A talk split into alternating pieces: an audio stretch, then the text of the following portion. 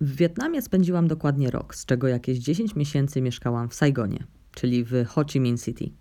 Mieszkałam z Emmą z Kanady i Jaronem z Irlandii, z którymi stworzyliśmy coś na kształt rodziny. Kiedy oni wyjechali w listopadzie 2017 roku, Saigon zaczął dawać mi znaki, że ja też powinnam już wyjechać. Znaki tak niesamowite i absurdalne, że trudno było je zignorować. Trzymajcie się krzeseł, bo dziś opowiem Wam jedną z moich ulubionych historii z podróży. Cześć, nazywam się Hania Sobczuk, a to jest Plecak i Walizka. Podcast o podróżach i życiu nie tylko na emigracji. Przypominam, żeby przed wysłuchaniem tego podcastu uzbroić się w porządną dawkę poczucia humoru i dystansu do świata, bo nic w życiu nie jest na serio. I na początku jeszcze dodam, że jeśli podobają Ci się moje podcasty i chcesz, żebym nagrywała ich więcej, możesz wesprzeć moją działalność dobrowolną wpłatą w serwisie Patronite pod adresem patronite.pl ukośnik plecak i walizka. A teraz zaczynajmy. Jest listopad 2017 roku, a mnie w Wietnamie właśnie odwiedza moja siostra Marta. Po spędzeniu kilku dni na plażach na południu kraju, wsiadamy w samolot i lecimy do Hanoi na festiwal Quest. Kilka dni fajnej zabawy przy dobrej muzyce. Festiwal kończy się w niedzielę. W poniedziałek i wtorek jeszcze zwiedzamy Hanoi, a 15 listopada, czyli w środę, mamy lot powrotny do Saigonu. W planach mamy jeszcze zwiedzanie Ho Chi Minh City, czyli mojego miasta, w czwartek, a w piątek e, Marta już leci do domu.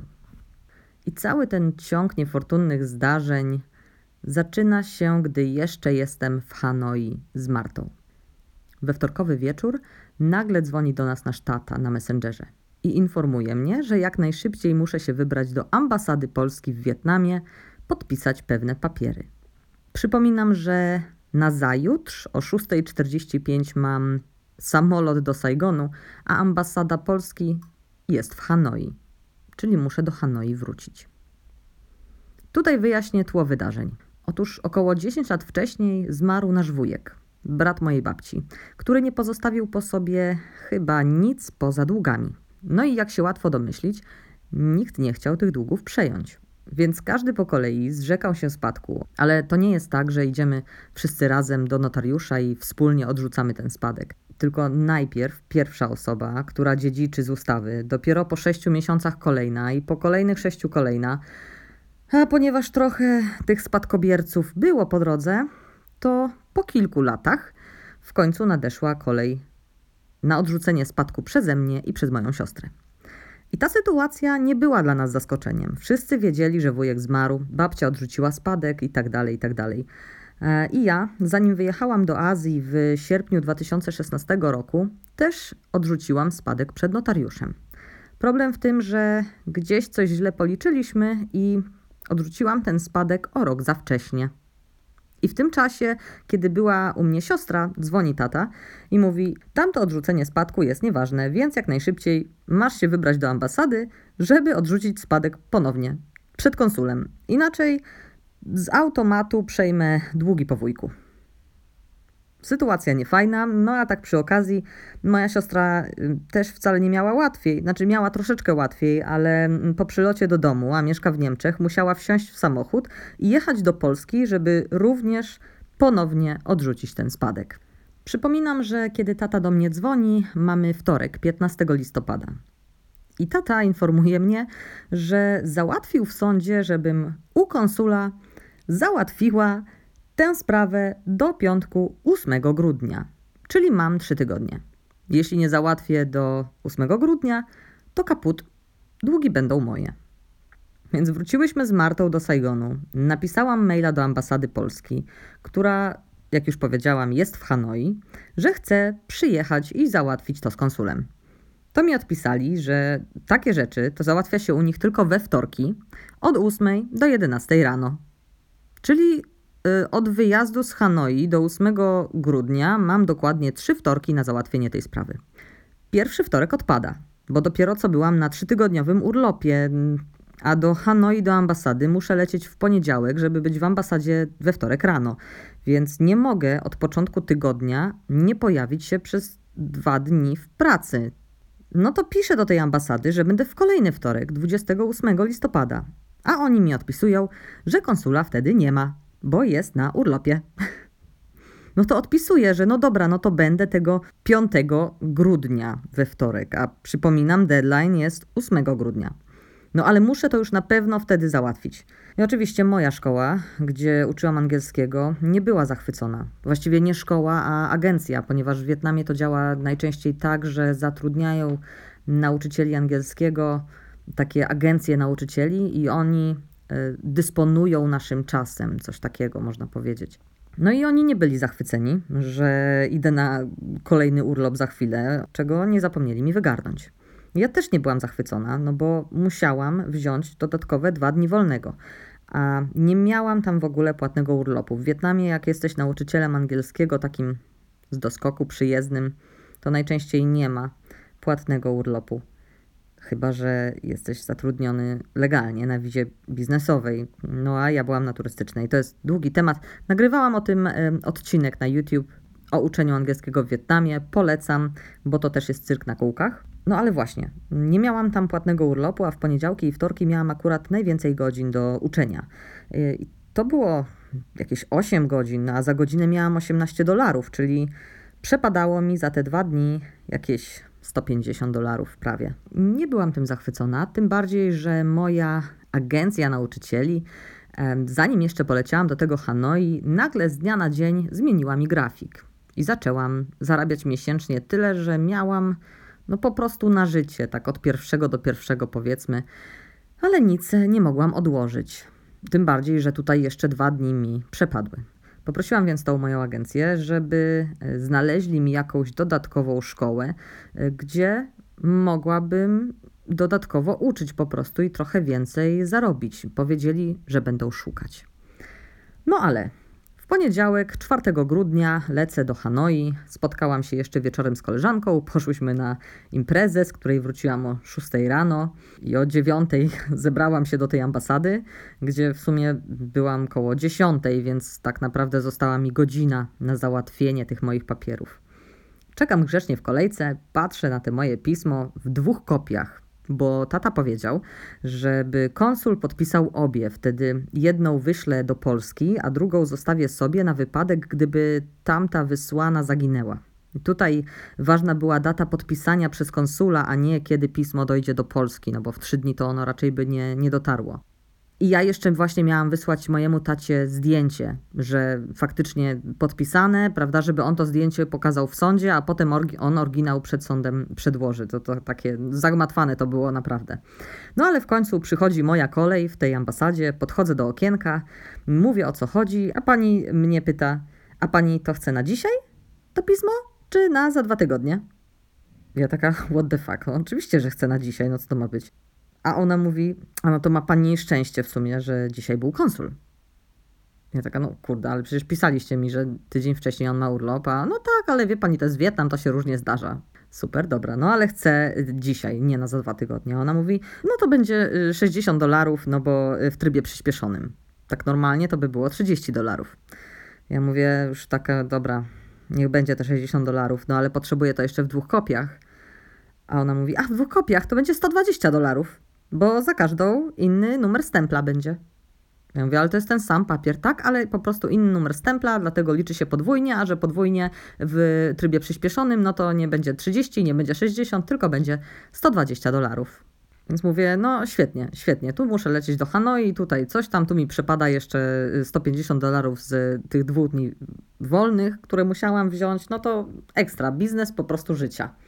No ale czego to się nie robi, żeby nie przejąć długów, prawda? Pani poszła po pieczątkę, ja tak sobie czekam, patrzę na te papiery i mówię, dobra, podpiszę jak jej nie ma. No i podpisałam. Ta wraca i zbladła i mówi, co pani narobiła? Ja mówię, no, no co narobiłam, co się stało? Ona mówi, pani powinna to podpisać przy mnie. ja nie widziałam, żeby pani to podpisywała i ja nie powinnam uznać pani tych papierów. A ja taka, no przecież, kurwa macie. To są jakieś jaja. W ogóle do zamknięcia tej, do tej 11 mi chyba zostało z 15 minut. Nie, nie mam drugiego, drugiej kopii, żadnej innej. Nie mam drukarki. Oni też, nie mam w ogóle przygotowanego tego pisma. Ja już taka, Boże, no zjebałam. Pani tak patrzy, już widzi moje przerażenie, panikę w oczach. Mówi, dobra, udajmy, że pani to przy mnie podpisała. Mówię, matko, dziękuję, dziękuję, tylko żeby mi zaraz nie krzyknęła, że to kolejne 120 dolarów, nie? No ale na szczęście nie. Podpisała, załatwione, ja już tak kamień z serca. No i e, wychodzę. Wychodzę z tej ambasady, chcę wezwać Ubera, a właściwie Graba, to jest taki ichni e, Uber. No i na skuterach to się e, jeździ, w sensie wzywa się po prostu skuter, tak? I była taka przestroga u nas, żeby nie brać takich kierowców z ulicy, tylko faktycznie zamówić sobie Ubera albo Graba. Dlatego, że kierowca na Uberze czy na Grabie jest e, zarejestrowanym kierowcą, nie oszuka nas, nas na kasę, bo kasa jest ustalona za odległość. E, no i on zna miasto, będzie jechał na tak, jak mu pokazuje aplikacja, nie zgubi się, tak? No ale popatrzyłam na tych kierowców, oni się uśmiechają, wołają do mnie, mówię, kurde, dam im zarobić. No to wzięłam. Oczywiście się zgubił. Okazało się, że zawiózł mnie w ogóle w zupełnie inną część miasta. Tak jedziemy, jedziemy. Ja mówię, kurde, wyjechaliśmy gdzieś poza centrum. Ja nie wiem, gdzie my jesteśmy. Gdzieś mi po prostu aplikacja pokazuje, znaczy Google Maps mi pokazuje zupełnie inne miejsce w mieście. Ja stukam tego kierowcę w ramię. On mi tylko powtarza adres i jedzie dalej. Ja taka, Jezus Maria, no jeszcze spóźnię się na samolot z powrotem do Saigonu i będzie klops totalny. No i w końcu on dowozi mnie na miejsce, które niby miało być moim hostelem nie było, po prostu było gdzieś zupełnie na przedmieściach Hanoi. Ja mówię, panie kochany, to nie jest to miejsce. I mówię jeszcze raz na, map, na Google Maps pokazałam. I on taki, że ojej, ojciojoj. To po wietnamsku się mówi, o mój Boże, ojciojoj. I wsiadamy z powrotem, nie wiezie. Potem jeszcze mnie błagał, żebym mu dopłaciła trochę więcej. Dałam mu 10 tysięcy dong więcej, czyli złotówkę więcej, tam złoty 50.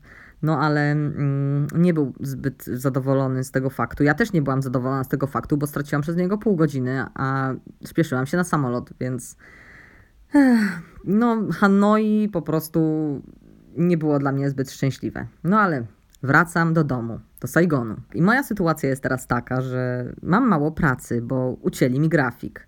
Do tego zaczęłam odczuwać samotność bo Emma i Aaron wyjechali. Co prawda, wprowadzili się nowi współlokatorzy, między innymi taka Rosjanka Olga, z którą bardzo fajnie mi się gadało, no ale wiecie, żeby stworzyć takie, taką, taką relację, jak ja miałam z Emmą i z Aaronem, no to jednak zajmuje mnóstwo czasu, tak?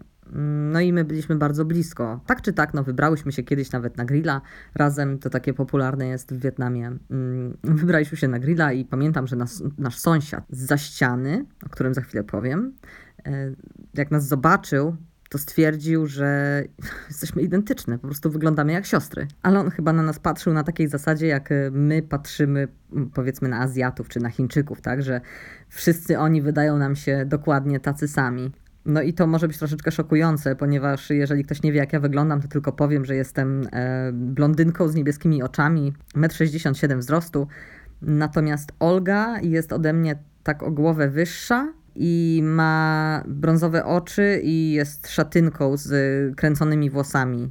Więc no tu blond proste włosy, tu kręcona szatynka. Y, no ale pan stwierdził, że nasz sąsiad stwierdził, że wyglądamy po prostu jak siostry, jesteśmy identyczne. My takie, okej. Okay. No i wtedy właśnie przed Bożym Narodzeniem mm, zaczęła się przygoda z sąsiadem, ponieważ y, on zaczął remont. Remont swojego mieszkania, a w Wietnamie właściwie mieszka się w takich domach dużych. Bardzo mało osób tam mieszka w blokach, tam praktycznie też nie ma bloków. Mm, I tam są domy, które są po prostu wąskie, wysokie, na takich wąziutkich działkach. I ja nie wiem, na czym polega logika wietnamskiego budownictwa, ale jak ten sąsiad robił remont, to on rozebrał praktycznie cały dom. Tak, że zostały tylko takie, jak u nas są nośne ściany, to u nich można powiedzieć, że są kolumny nośne. I oni po prostu rozbierają wszystkie te ściany i zostają tylko te kolumny, i został taki po prostu szkielet domu. Więc tam było mnóstwo kucia, mnóstwo wiercenia, to było, wiecie, to nie było takie typowe wiercenie, jak wiesz, słyszycie, że ktoś za ścianą wiesza obrazek. To było takie wiercenie po prostu na wszystkich piętrach domu od rana do praktycznie 18 czyli do zachodu słońca, ponieważ w Wietnamie, na południu Wietnamu dzień trwa właściwie 12 godzin, czyli od 6 do 6. No, więc tak sobie wiercili. praktycznie od 7 rano do 6. Nie muszę chyba wspominać, że remont trwał praktycznie codziennie, prawda? A jeszcze przed Bożym Narodzeniem odwiedziła mnie wspólna znajoma moja, Emmy i Arona, czyli Kat. Kat była z Niemiec.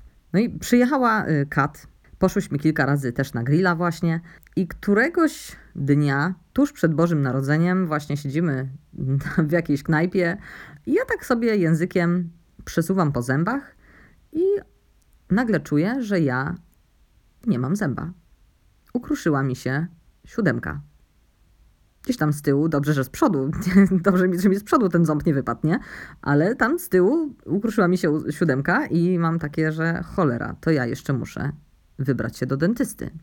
To też jest historia dosłownie na kolejny podcast. Wszyscy moi lekarze za granicą, ponieważ ym, dentysta z Wietnamu to w ogóle dwie osoby patrzyły mi wtedy w usta. Z jednej i z drugiej strony siedziały dwie dentystki. Obserwowały, nie wiem, to znaczy jedna to była asystentka oczywiście, ale to dziwnie wyglądało, bo miałam wrażenie, że te wszystkie ich palce są w moich ustach i jedyne na czym się wtedy skupiałam to to, że na suficie wisiała taka fototapeta z palmami, z plażą i ja się po prostu czułam jakbym leżała pod palmami, co kosztowało mnie jakby nie było jakieś 55 dolarów.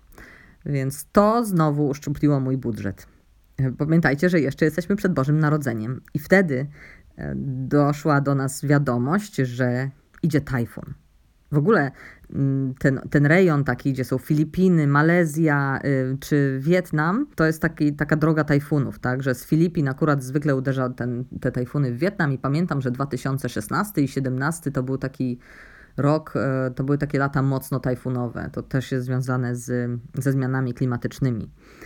Tak czy tak, no taki tajfun może wywołać ogromne szkody, dlatego kiedy jest ostrzeżenie przed tajfunem, to zwykle na dwa dni wszystko się zamyka. No i oczywiście, jak już się domyślacie, odwołano moje zajęcia. I ponieważ Wietnam mm, nie obchodzi Bożego Narodzenia tak jak my obchodzimy, e, no to u nich pierwszy i drugi dzień świąt, 25-26 grudnia, to są dni pracujące. Te dwa dni to akurat był, pamiętam, poniedziałek, wtorek, znowu, czyli te dni, kiedy mam najwięcej godzin. Kolejne 150 dolarów mi przepadło.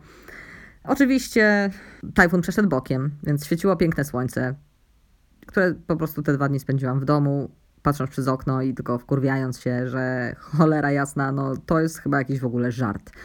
Kat już wtedy wyjechała, minęło Boże Narodzenie i po Bożym Narodzeniu moja agencja mieszkaniowa, tak to nazwijmy, bo o agencji nauczycieli wspominałam, ale była też jeszcze agencja mieszkaniowa, od której wynajmowałam pokój, przesłała mi rachunek na maila na, uwaga, 184 dolary za to, że przenocowała u mnie koleżanka.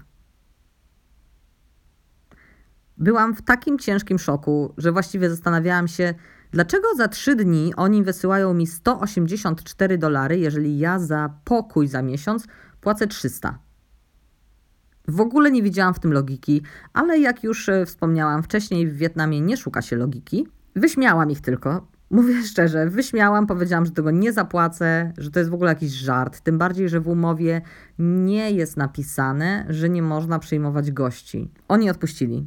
Stwierdzili chyba, że nie będą się ze mną kłócić. Tuż po nich znowu odezwała się moja druga agencja, czyli ta agencja od nauczycieli. Powiedzieli mi, że mają dwie dodatkowe godziny dla mnie w niedzielę, ale muszę zadeklarować się, że zostanę w tej szkole do końca marca. Dwie godziny zajęć troszeczkę mnie nie urządzały, a poza tym, jakby te wszystkie wydarzenia, o których mówiłam do tego momentu, jakoś sprawiły, że zaczęłam bardzo poważnie rozważać wyjazd z Wietnamu. Ale najlepsze dopiero miało nastąpić. Przyszedł Sylwester, a właściwie taki Sylwester, nie Sylwester, ponieważ w Wietnamie też nie obchodzi się Nowego Roku tak jak u nas. Oni mają, oni obchodzą chiński Nowy Rok, wietnamski Nowy Rok, który wypada zwykle na przełomie stycznia i lutego i wtedy mają dwa tygodnie wolnego. Natomiast my mimo wszystko obchodziliśmy tego Sylwestra, zwykle na jakąś kolację się idzie czy coś takiego. No i z Olgą, moją nową współlokatorką, kupiłyśmy sobie wino, no i przyszła jeszcze jedna znajoma Olgi, I ta znajoma powiedziała, że ma taką tradycję, e, że w domu oglądają orędzie Putina. Więc y, ten Sylwester 2017 spędziłam na oglądaniu orędzia Putina. To też było bardzo ciekawe doświadczenie. No ale ponieważ była jeszcze ta różnica czasu, mm, to, to orędzie Putina to wyszło nam chyba o drugiej w nocy, czy coś takiego. Tak czy tak, poszłyśmy spać o piątej. I nie byłyśmy jakoś totalnie nawalone. Mm, po prostu wypiłyśmy sobie po winie, obejrzałyśmy Putina i poszłyśmy spać o piątej. I o siódmej rano obudziła mnie wiertarka naparzająca w głowę za ścianą. Ja byłam wściekła. Stwierdziłam, że to jest sygnał w ogóle, że trzeba stąd wyjeżdżać. Napisałam maila do mojej agencji mieszkaniowej, że what the fuck, co to ma w ogóle być ten remont. Powiedziałam, że żeby się spodziewali, że się w tym miesiącu wyprowadzam, pod koniec miesiąca. A miałam 30 dni na to, żeby wypowiedzieć pokój, więc stwierdziłam, że jeżeli 1 stycznia napiszę coś takiego, no to to jest fair. Napisałam im, że na 90% się wyprowadzam i żeby byli na to gotowi. Jeszcze 3 stycznia udałam się na tak zwany visa run, czyli a, musiałam wyjechać do Kambodży, żeby odnowić moją wizę, ponieważ ja byłam na wizie turystycznej, którą co 3 miesiące odnawiałam właśnie takim jednodniowym wyjazdem autobusem do Kambodży.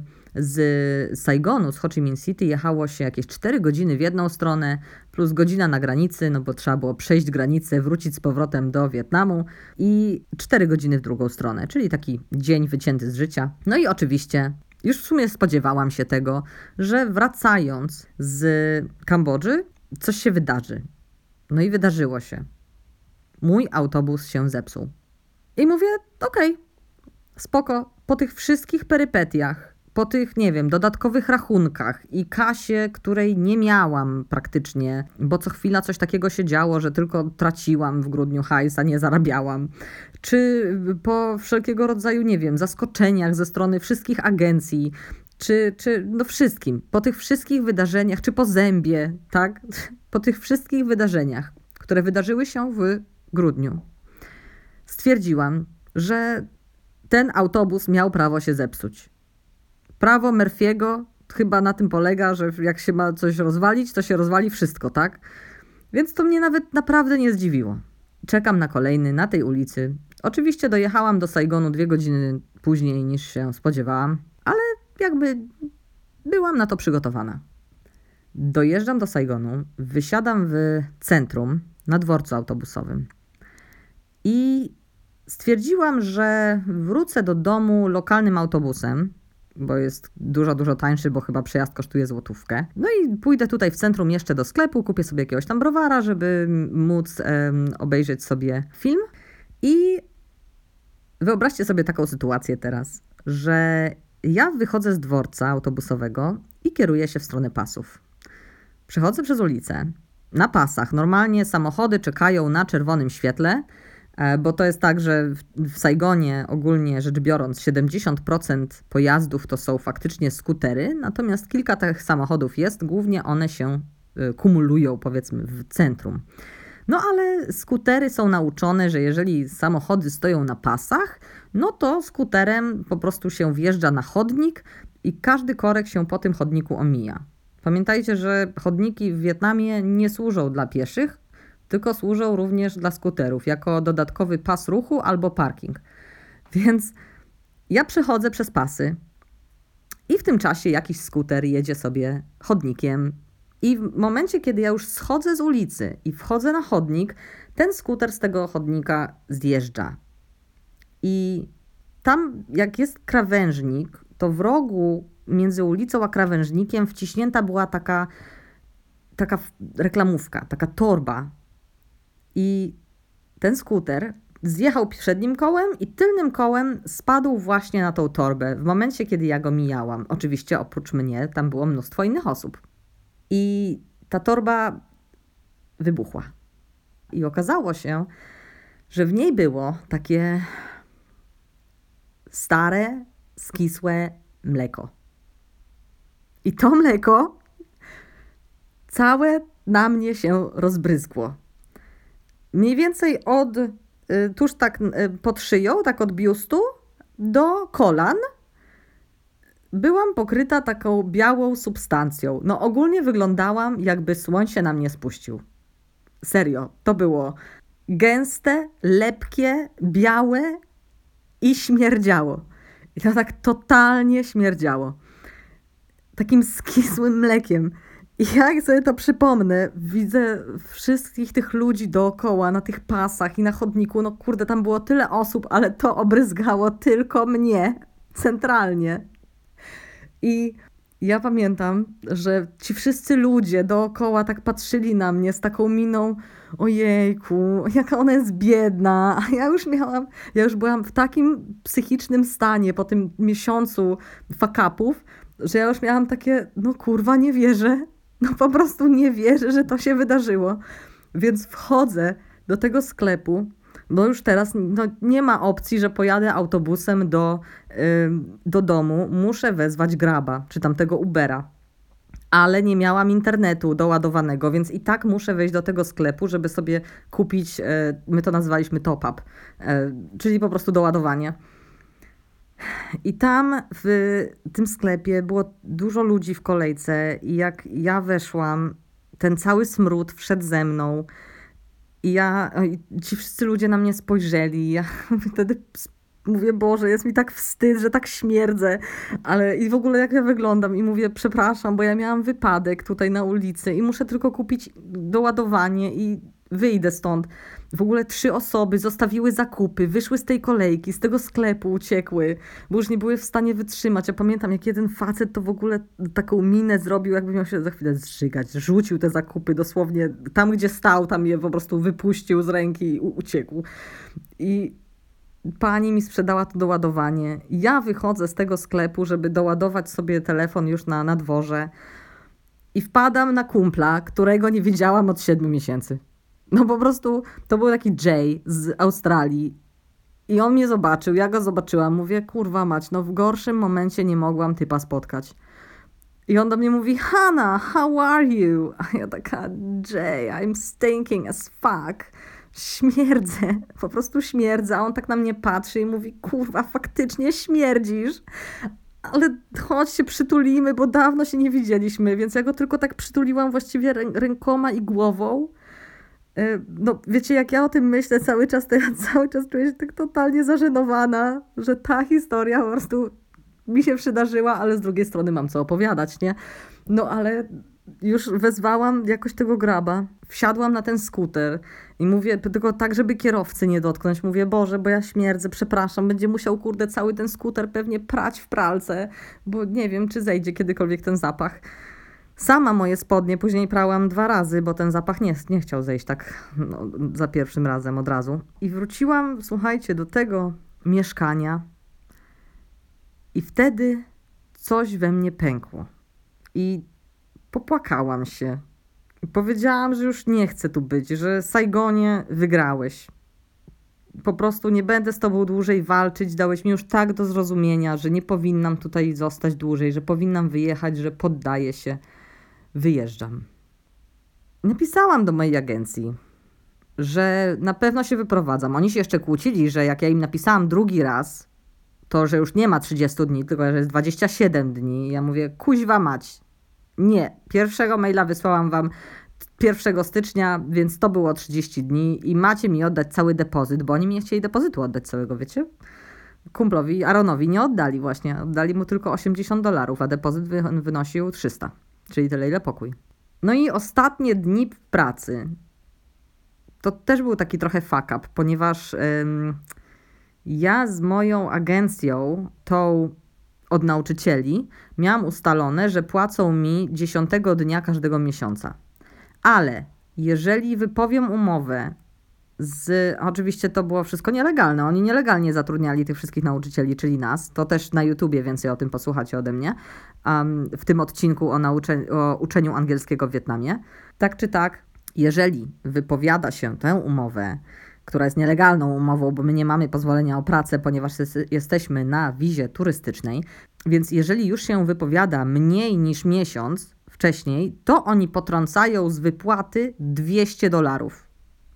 Więc ja musiałam przepracować kilka dni do tego 10 stycznia I to wyszło chyba jakieś 120 czy 150 dolarów, żeby oni mi zapłacili normalnie za ten grudzień, a ja im wtedy powiedziałam, jak już odebrałam tą wypłatę, napisałam im maila, że bardzo mi przykro, ale ja już nie będę pracować. Trochę to było beznadziejne z mojej strony. Oni się oczywiście wkurzyli, no bo jak ja ich tak nagle zostawiłam bez nauczyciela, więc napisali mi, że jeżeli taka jesteś, to my cię zwalniamy. Więc e, tak jakby na jedno wyszło. Tak czy tak, w momencie, kiedy postanowiłam, że wyjeżdżam i napisałam do tej agencji mieszkaniowej i do agencji tej nauczycieli, że już nie będę tam uczyć i do tamtych, że nie będę mieszkać, wszystkie znaki z Saigonu ustały. Saigon zaakceptował moją decyzję i przestał mnie męczyć. Chyba zdał sobie sprawę z tego, że po prostu ze mną wygrał. Miałam wtedy, co prawda, taki moment, że szkoda. Szkoda, że tak ze mną się Saigon pożegnał i przez chwilę go nawet nienawidziłam. Ale kiedy wróciłam do Polski w marcu, dwa miesiące miałam taki azjowstręt, tak to nazwałam. Ale po dwóch miesiącach mi przeszło. I teraz tęsknię. I też w sumie nauczyłam się czytać takie znaki z nieba, które po prostu każą mi uciekać i pokazują mi, że dane miejsce już nie jest moim miejscem. Nie kłócę się z tym. Wierzę, że wszechświat po prostu daje mi znaki. I to wszystko na dzisiaj. Mam nadzieję, że Wam się podobała ta jedna z wielu podróżniczych moich historii, w której o mały włos nie zgubiłam głowy. Na koniec dodam jeszcze, że ten podcast powstaje dzięki Wam, moim słuchaczkom i słuchaczom. Jeśli chcesz, również możesz wesprzeć moją działalność dobrowolną wpłatą w serwisie Patronite pod adresem patronite.pl ukośnik plecaki walizka. Dzięki Waszemu wsparciu ten kanał będzie się tylko rozwijał. Do usłyszenia następnym razem. Cześć!